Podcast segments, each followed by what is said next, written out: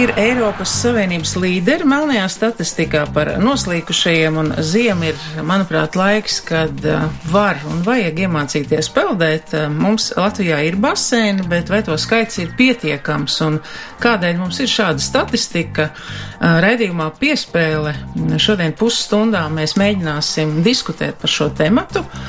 Es Inītu Kreskatkovsku un viesi ir Elektromolimpiskais centrs valdes locekle Zana Grundiņa Rāja un Peldēšanas federācijas prezidents Aivars Platonovs. Sveiki!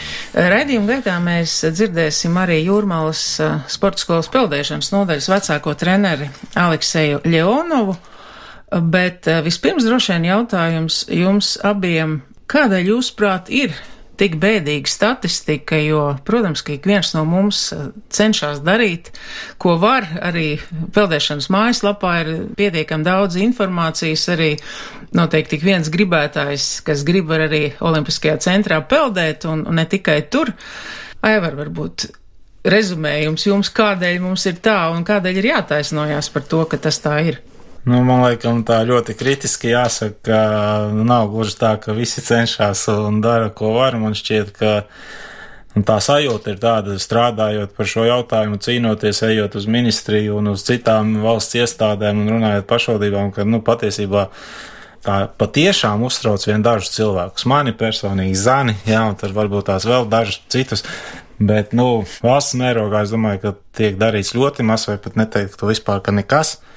Jo, ja mēs paskatāmies, atceramies pagājušo šo traģisko nelaimes gadījumu Ventspilī, un kad it kā likās, nu, tagad tulītās kaut kas notiks, viss tiks darīts, domāts, kā labot šo situāciju, ne tikai par peldēt apmācību, bet vispār par drošību uz ūdens, par baseiniem, par publiskajām peldvietām. Nu, ir pagājis vairāk kā gads, nu, īstenībā nekas nav noticis, ja. Mēs esam arī rakstījuši vēstules uz ministriju ar jautājumu, nu, kad tad būs, jūs solījāt organizēt sanāksmi, mēs pat neesam saņēmuši atbildi uz šo vēstuli, ja, tāpēc, uh, Nu, kamēr nemainīsies tā valsts attieksme, valsts ierēģņu attieksme, tikmēr es domāju, mums būs vēl ilgi jārunā par to, ka nu, mēs esam līderi noslīkušo skaita ziņā.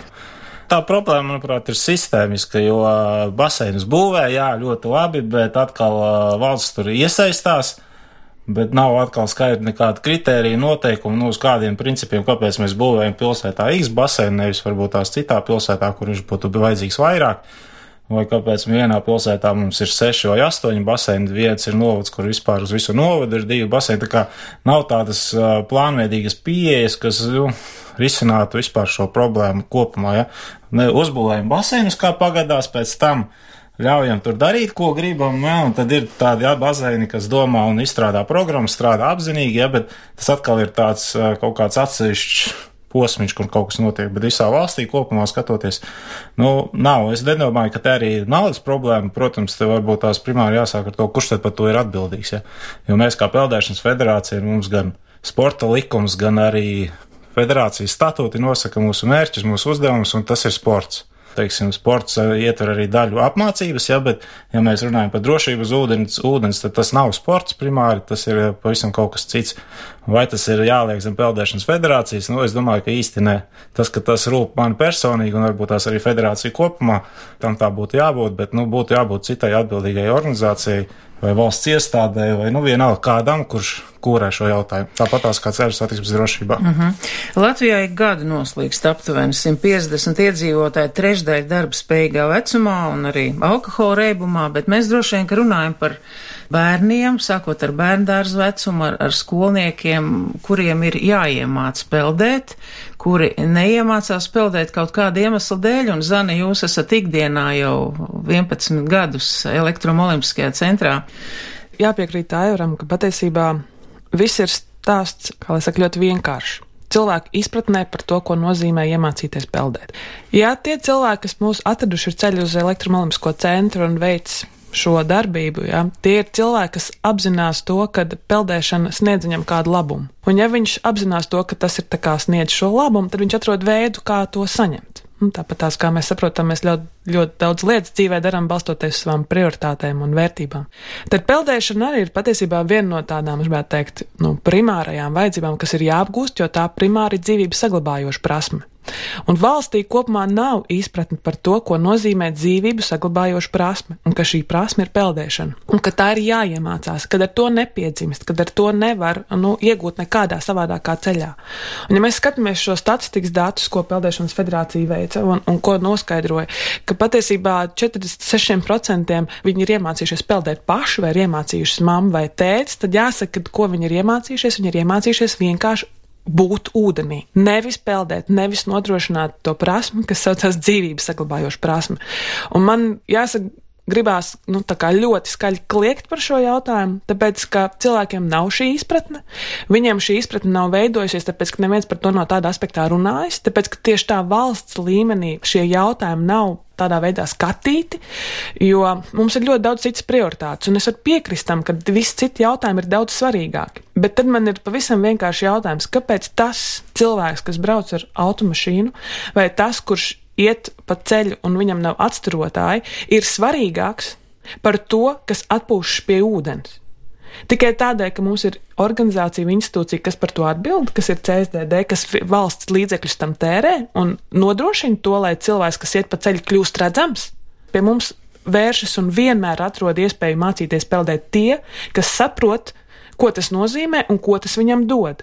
Līdz ar to šī cilvēka informēšana, izglītošana ir primārais, kas varētu sākt vērst šo situāciju par labu. Ja? Mēs varētu sākt no uh, pirmskolas vecuma iestādēm, ja jūs uzdot jautājumu, kāpēc skolās nav obligātā peldēšanas apmācība vai kāpēc bērndārzā jau nevarētu sākt mācīt. Es zinu, ka noteikti ir ļoti daudz arī pozitīvo piemēru, kur tiešām šos bērnus ved uz baseiniem, uh, bet ir atkal viens bet. Ne visur ir gan vadītāji, gan uh, nu, paši arī audzinātāji tik uzņēmīgi, tik enerģiski, lai šos bērnus izvadātu, lai organizētu, un, un arī tās iespējas noteikti nav tik, kā saka, gumija mēs nevaram izstiept, cik ļoti mēs gribētu, bet ja tas būtu obligātais pasākums, tad droši vien arī šī statistika nebūtu tik bēdīga. Ever, vai jūs piekrītat? Nu, noteikti jāpiekrīt, jo, ja mēs paskatāmies citu valstu pieredzi, ja, kur tā peldēt apmācība ir pamatos jau ielikta, jau visi zina, visi apzinās, nu, citās valstīs sākās jau pirmskolā, citās varbūt tās no pirmās, otrās klases, bet, nu, ja tas tiek īstenots ilgstoši un mērķiecīgi un kvalitatīvi, nu, tad tas rezultāts ir tāds, kāds viņš, nu, mēs redzam statistikas datos, ja, ja Latvijā ir uh, vidēji 6-7 cilvēki uz 100 tūkstošiem noslīgst, Ja, nu, tad tādā Skandināvijas valstīs tur ir uh, viens, pusotrs, Lielbritānijā ir uh, mazāk par vienu jau šiem simts tūkstošiem. Nu, tas jau nav tāpēc, ka viņiem nav ūdens, ja, jau bieži nav kāds dzirdēt, mums jau te tomēr daudz ūdens, mēs ūdeņiem bagāta valsts. Nu, nav tā, ka mums ir vairāk ūdens, piemēram, kā Somijam, ja, vai, vai tiem pašiem Horvātiem. Ja. Tā apmācība un izpratne viņai jābūt pamatā ne jau tikai, nu, tagad mēs iemācīsimies nopeldēt simts krālu, pēc tam simts tauriņu stilu un varbūt vēl kaut ko. Un ja mēs to ieliekam, to izpratni par drošību uz ūdens, ka tas ir uh, prast apzināties riskus, rīkoties šajās riska situācijās, novērtēt vidi, citus apstākļus, kas nāk par sliktu, varbūt tās, vai kad mēs saprotam, ir šobrīd slikta doma iet peldēt, ja? vai varbūt tās pieskatīt savus līdzcilvēkus, nekāpt uz ledus ziemā, ja, kad ir 3 cm ledus, kā te pirms nedēļas, ja jau vienu gan ir izglābts viens britkotājs. Tas viss ir kopīgs tāds apmācības process, un ja mēs to daram un mācam, tad, protams, nevienas paudzes laikā, bet ilgstošā periodā periodā tas dod rezultātu, un par to var pārliecināties, skatoties citu valstu pieredzi. -hmm. Zani, jūs kā elektromolimpiskā centra vadītāji, vai jums ir šie pozitīvie piemēri, ka bērndārs grupiņas nāk un, un pirmskolas vecumu, vai tas ir atkal naudas jautājums, lai izdzīvot, nevienmēr viņiem ir arī iespējas to darīt? Mums ir šo pozitīvo piemēru, un tādu ir daudz, par to liecina mums kopējās spēlēt apmācības grupas, mums ir aptuveni 200 peldējumu nedēļā. Tas nozīmē 200 grupas, reiz vismaz 10 bērni. Ik nedēļu peldēt apmācību izveids dažādos vecuma posmos, sākot no 6 mēnešiem mūsu peldbasēnos. Līdz ar to šeit man gribētos piebilst, ka tas ir ne tikai bērndārs vadītāju vai skolotāju jautājums, tas arī ir vecāku jautājums, jo jāsaka to, ko mēs arī redzam, ja mēs nodrošinām šo peldēt apmācību, par ko ir apmaksājusi pašvaldība vai bērndārs no saviem resursiem vai vecāki, no saviem resursiem, tad ir arī tādi bērni, kas vienkārši sēž malā un kuriem mamma nav iedavusi līdz pelcepuri. Vai mamma nav iedavusi līdz peltkostīm. Tas nozīmē, ka tā ir arī savā ziņā vecāku atbildība par to, ka viņi piekrīt šādai aktivitātei, viņi ir viņa atbalsta. Tā kā tas nav tikai, nu, gribētos teikt, bērndārza vai skolu jautājums, ko viņi grib vai apņemās, jo tā tiešām ir, es gribētu teikt, ļoti liela tāda nu, nevis piepūli, bet nu, apgrūtinājums ikdienas dzīvē, ka tie bērni ir jāved peldēt. Mums arī nodrošinam Rīgas skolām peldēt apmācību otrajām klasēm, un arī tur mēs redzam, ka ir skolas, kur skolas direktora vietniece brauc bērniem līdzi un palīdz viņiem, lai viņi šo peldēt prasmu varētu apgūt ar to domājot, ka viņi palīdz viņiem saģērties, izžāvē matus, pieskat, lai viss ir kārtībā, jo treneris izveids darbu peldbaseinā, bet viņi ir klātesoši. Bet ir skolotāji, kas sēž kafejnīcā, dzer kafiju un pasaka, man par to nemaksā, un es tur ir kā kā iekšā nespēš, un viņam ir vienalga, kas notiek ar bērniem. Tad mēs šo jautājumu, protams, ka mēs risinām, jo mē, mums nav tāds variants, ka mēs to varam nerisināt. Ja bērni ir mūsu ēkā. Mums ir piestiprināti klātiem papildus treneri, ir glābēji, kas veic attiecīgu funkciju, ir personāls, kas viņiem atbalsta viņus ja, šajā procesā. Man ir ļoti liels prieks, un es izsaku ļoti lielu mēru pateicību tiem vecākiem, kas atrod laiku un dienas vidū, ja skolotājs to nedara, pavada šos bērnus un ir ar viņiem šajā procesā.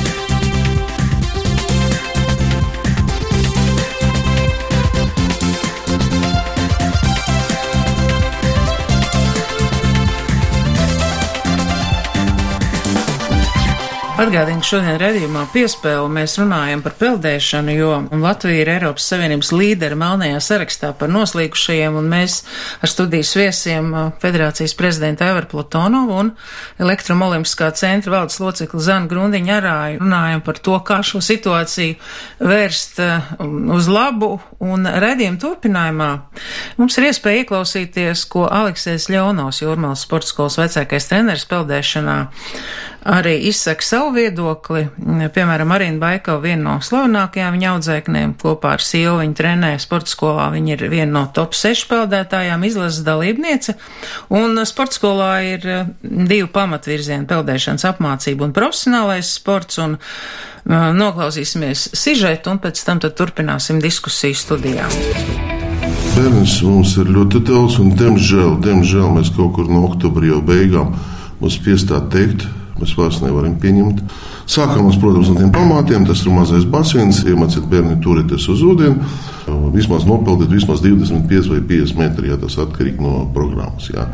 Neviens vēl neaizgāja no mums prom kurš neiemācīs vismaz turēt ūdeni, nopelnīt vismaz 25 metru, kas uzskata, nu, pietiekoši pagaidām, ja kaut kur ir bērniņš nokrities ūdenī vai kaut kur trāpījis tā, lai nebūtu palīga, lai viņš var tikt, līdz krastam vai līdz kaut kādam. Uh mhm. -huh. Un uh, es uzskatu, ka jūrmalā ir vismaz basēns, kur mēs varam trenēties, jā, bet viņš mēs jau sen jau izaugam no to basēnu, mums ir pa īsi paliek. Es teicu, ka, diemžēl, mēs uh, zvanām man līdz šim par katru dienu, gan arī tagad es kā divi, divi, divi cilvēki, mamiņam vai tētim, es spiestu atteikt, pateikt, ka grupas ir pilnas, diemžēl zvanīt nākamā gada septembrī mēnesī.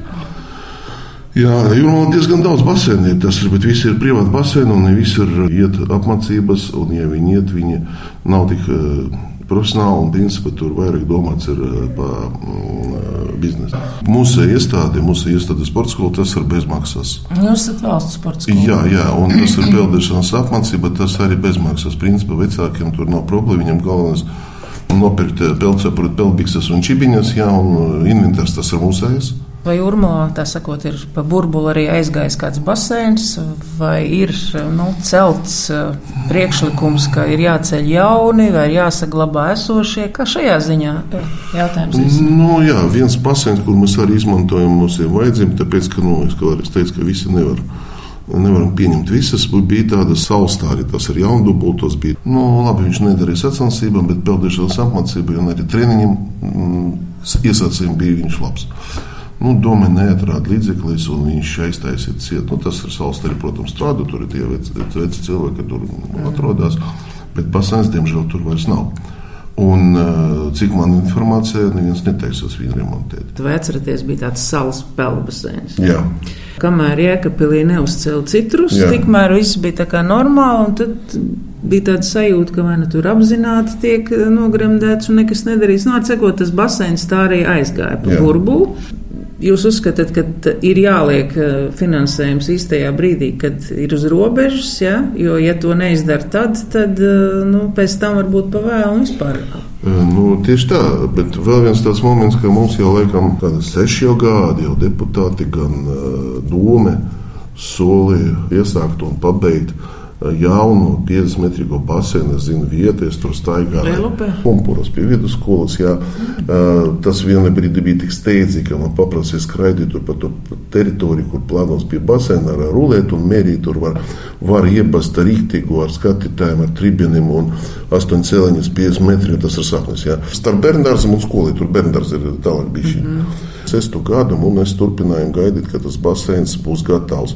Un apstājās. Principā tas pumpu variants tā kā ir, ka varētu būt. Katru gadu viņi atjaunojas. Katru gadu mēs kaut kad uh, saņemam kaut kādu informāciju, ka tūlīt būs. Un, cik es saprotu, vēl pēdējais runāja tagad, septembrī, kad es dzirdēju tādas, ka nākamā objekta jūrmālā būs tas ir baseins. Un tas viens no tādiem variantiem, kas ir, uzskatu, ka nu, vienkārši viņš ir ideāls. Jā. Un es pārliecināts, ka gan audzēkņu sporta skolas audzēkņi, gan skolas. Tad arī jūsu slavenākajai audzēknei, piemēram, nebūtu jābrauc uz Rīgas basēnu droši vien, ne? Nu, ne tikai uz Rīgas basēnu. Mēs te braucam arī, mums vajag peldēt 50 metrīga basēnā. Tāpēc, ka lielākās starptautiskas sacensības notika garī ūdenī, mm -hmm. un vienkārši, lai trenēties, mums jābrauc uz Rīgu, kas ir dārgāk. Mums ir bijis savādāk. Mēs braucam uz Lietuvu treniņu. Sanāk lietāk. Kopumā sanāk lietāk. Tāpēc, ka ot, Lietuva, es, tur principā bija kadrā 50, 50, 50 uz 50 metru, kilometrus, ja? viņam četri lieli 50 metri baseini. Kalnus, elektrinājs, Vilnus, Tagad jau būs jā, Alīdus. Kāds ir jūsu viedoklis? Kāpēc mums ir tā pirmā vieta Eiropā? Nu, ja cilvēki nemāk peldēt, tuvu tas ūdeni viņam ir bijis. Un tad tie paši bērni naktī kā pie mums pludmalē. Nu, seklāk nevar būt jūra, bet tik un tā regulāri kaut kas notiek. Ja es jau nerunāju par lielu, pat diezgan līdz tam mums ir divi ezeri. Mums ir karjeras, kur ir ļoti daudz vietas, kur bērni nāk un arī bez bez vecākiem nāk. Ja, un nav informācija, nav viņa iemācīta. Viņa vienkārši reāli nemāk peldēt. Un vēl viņam nav teorētiska praksa. Viņi, viņi nezina, ko baidīties. A viņš nebaidās ūdens, vai tā, tā, oh, ja viņam nav slikta pieredze. Es teicu, ka nē, tas ir slikti. Mm. Ūdeni vajag vismaz, nu, ne, nu, baidīties vajag. Tas ir tas, kas tev var nogalināt. Jums saka, paldies, bija ļoti interesanta saruna. Lai mums nākotnē būtu baseins, lai jums būtu kur peldēt un vienmēr daudz audzēkņu. Paldies! Paldies jums! Tātad mēs dzirdējām interviju ar Aleksēju Ļonovu. Mēs dzirdējām, ka pansionāts Saustari domas valdījumā esošais peldbaseins arī ir aizgājis, tā sakot, par burbulu un, un arī ar Aivaru Plutono, jo mēs pirms tam runājām par saules peldbaseinu, kur arī netika atrast līdzekļi, lai uzturētu.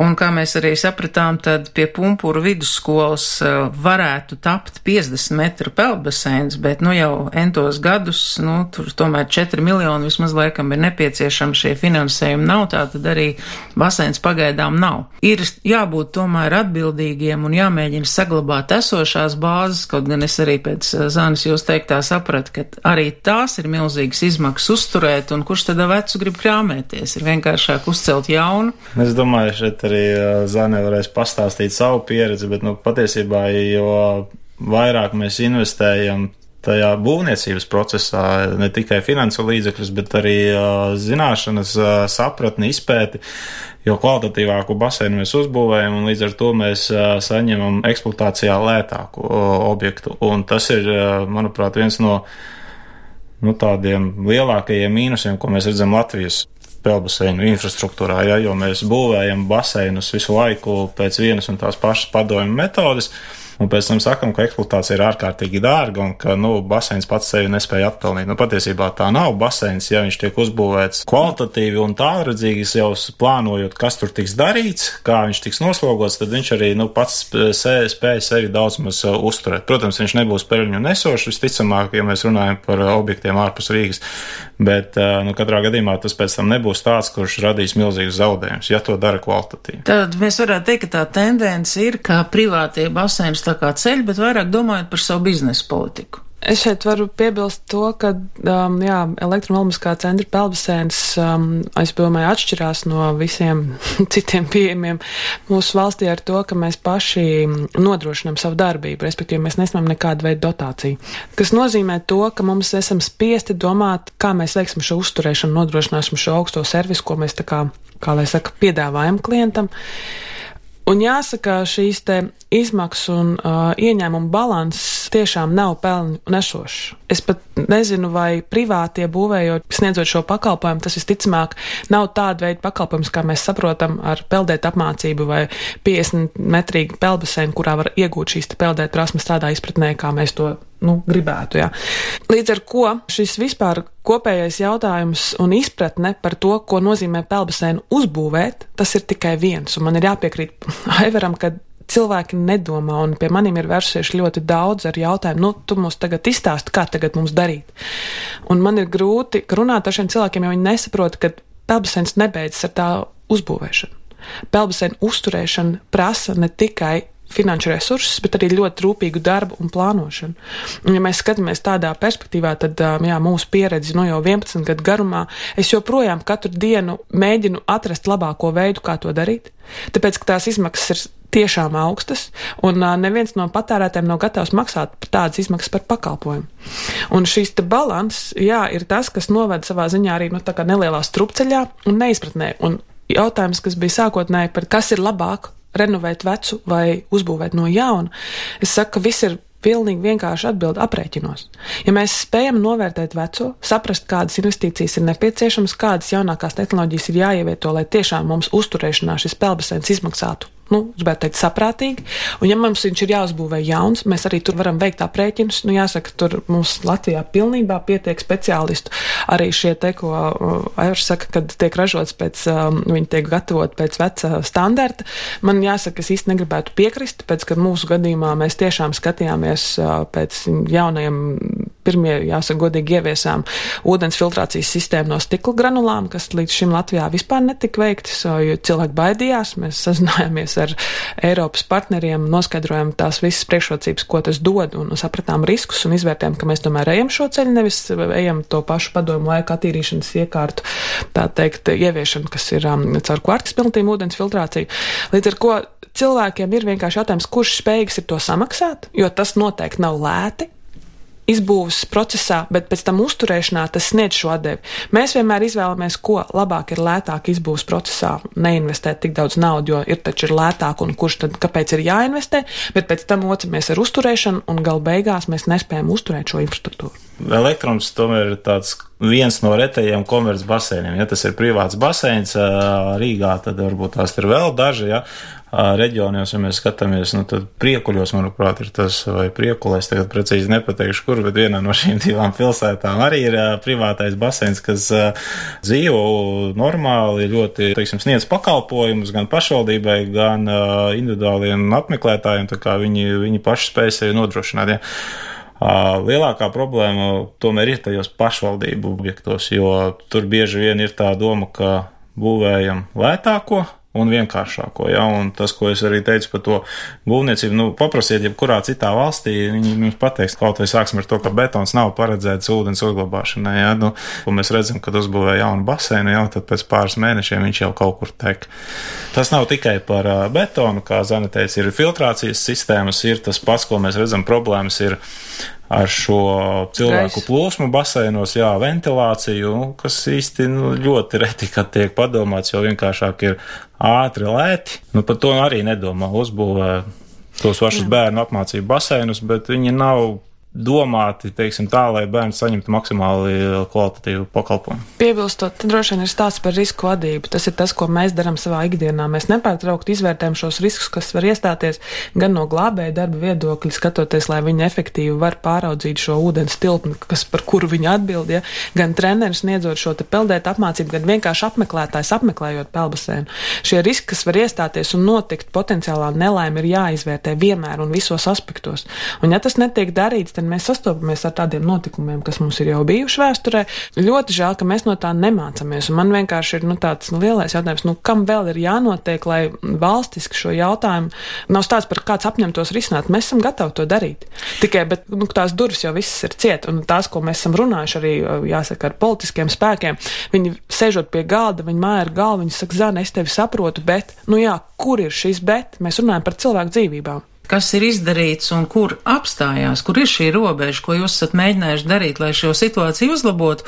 Un droši vien, ka arī eh, noderētu šī ārvalstu pieredze, kāda ir citās mūsu tuvākajās kaimiņu valstīs. Nu, finansiālais jautājums, protams, ir uh, svarīgs, un, uh, ja mēs skatāmies Dienvidu Eiropā, tad basēna izmaksas tur būs uh, krietni zemākas, jau, jo, nu, tieši tur, teiksim, tas dārgākā komponenta ir ūdens. Un uh, Rīgā tagad pavisam nesen vēl pacēla Rīgas ūdens tarifus, tā kā tas arī rezultējās to, ka baseina pakalpojumu cenas ir daudz augstākas. Es domāju, daudz būtiskāk ir tas, ka, kā Zana teica, tās durvis nekur nevarās vaļā. Mēs šobrīd, uh, ja skatāmies, ko mēs esam izdarījuši, mēs kā Peldēšanas federācija uzrakstījām projektu Sabiedrības valsts integrācijas fondā. Fonds mums piešķīra līdzekļus, mēs esam veikuši uh, pētījumu gan par sabiedrības attieksmi, par drošību uz ūdens, ko mēs prezentējām kopā ar elektromo 15. maijā uztaisījām jauku video klipu un izsūtījām te 300 skolām ar aicinājumu. Izsūtījām daudz vairāk skolām, bet pieteicās te 300 skolas, kuras bija gatavas šo video klipu un sagatavoto materiālu prezentēt saviem audzēkņiem. Tā kā mēs strādājam mūsu iespēju robežās un izglītojam, cenšamies iesaistīt sabiedrību, izglītoties, iegūt šīs zināšanas par drošību uz ūdens, mēs esam uztaisījuši ārkārtīgi lielu pētījumu, 90 lapas par to, kāda ir statistika un kāpēc tā statistika ir tāda, kāda viņa ir, vērtējot gan šo alkoholu, gan karsto laiku pārgalvību un daudz citādākus aspektus, ko visus var, nu, to pētījumu var iepazīties Peldēšanas federācijas mājaslapā. Esam izstrādājuši rekomendācijas priekšlikumus, esam aizsūtījuši vēstuli ar aicinājumu uz kopīgu diskusiju manuprāt, piecām uh, 13. saimnes komisijām. Tur ir drošības, uh, izglītības, es tagad visas nenosaukšu, sociālo lietu. Esam sūtījuši vēstules ministrijām, ne tikai izglītības ministrijai. Nu, nu, gaidām, bet uh, es pat nezinu, kurš ir tas, tas atslēgas cilvēks, no kura tad beidzot varētu saņemt šo jā, labi strādājam, uztaisam kaut kādu nacionālu mēroga diskusiju, izveidojam kaut kādu plānu un saprotam, kur mums ir tās problēmas un kā viņas risināt un kurš to darīs. Šobrīd mēs redzam, problēmas ir visās jomās, kā mēs runājam, ir baseini, ir normatīvais regulējums, apmācību programmas, treneri, uh, nu, tur var saukt un saukt, jā, bet es pat neteiktu, ka tas tikai izglītības zinātnes ministrijas jautājums, jā, bet man ļoti sāp, kad uh, izglītības izglītības zinātnes ministrija vispār nereaģē. Nu, tā, teiksim, darbos, vārdos varbūt tās kaut kas notiek, bet darbos nekas nenotiek. Tad būtu jāsaistās klāt iekšlietu ministrijai, labklājības ministrijai, veselības ministrijai, reģionālās attīstības ministrijai, varbūt tās uh, vēl kādai aizsardzības ministrijai, kas var nākt ar savu zemesardzes resursu un palīdzēt, pieņemsim, drošībā uz ūdens vasaras periodos. Tā kā, nu, tur to iesaistīto pušu varētu būt ļoti daudz un jautājumu arī, bet uh, nav tāda viena koordinātora, jo mēs, kad ejam kā federācija, mūsu futbolā uz izglītības ministriju, sporta departamentu, kad mēs sakām, ka tas nav sports, tad vispār ir klusums un saka, nu. Mēs saprotam, gaidām jauno valdību, un tad uh, visticamāk apaļo galdu mēs varētu organizēt vēlreiz, jau zināt, kas ir tās konkrētās personības, kas varētu mēģināt šo jautājumu pacelt. Jā, ierēģi jau paliek, visvien te Jā, paši. te es varu piebilst, mums skaidri gaiši iezīmējas viena līnija, un man ir tikai viena tāda, kā lai saka, piebilde. Tas ir stāsts par vērtībām un prioritātēm. Tātad, pirmkārt, mēs redzam, ka šie cilvēki, kas noslīkst nu, tādā valsts līmenī, nav vērtība. Tiešā kontekstā, ja mums, mēs tērējam ļoti lielu resursu vis kaut kur citur, un lai ko arī kāds teiktu, ka uh, zāda tev nav taisnība, es darbos neredzu, ka tā tas ir. Mēs vairāk satraucamies par to, lai no darba neaiziet kāds no profesiju pārstāvjiem, kas veids pēc tam jāsaka godīgi šo dzīvības uzturēšanas funkciju, nevis primāri veids preventīvas pasākums, lai nepieļaut, lai būtu jārūpējas par šo dzīvību. Vai es nesaku, ka tas nav svarīgi, bet uh, mēs cīnāmies ar sekām, nevis ar cēloņiem. Un, uh, un jā, un stāsts ir par prioritātēm, kad uh, jā, mums ir ambīciju apmierināšanu dažādos politiskos līmeņos, savu vārdu spodināšanu un teikšanu, re, kā es varu un re, ko es daru, bet patiesībā darbi nesako. Nu, tik vienkārši. Es saku jums paldies par šo sarunu un ceru, ka mm, mēs turpināsim šo diskusiju kādreiz jau, nu, visticamāk, nākamajā gadā. Tātad redzījums piespēle izskan. Tātad Zana Grundiņā Rāja, Elektromolimpiskais centrs valdes locekli bija redzījuma viešņi un arī Peldēšanas federācijas prezidents Aivārs Plutonovs, es Init Kres Katkovs, saku visiem paldies, ka Couple days. Days.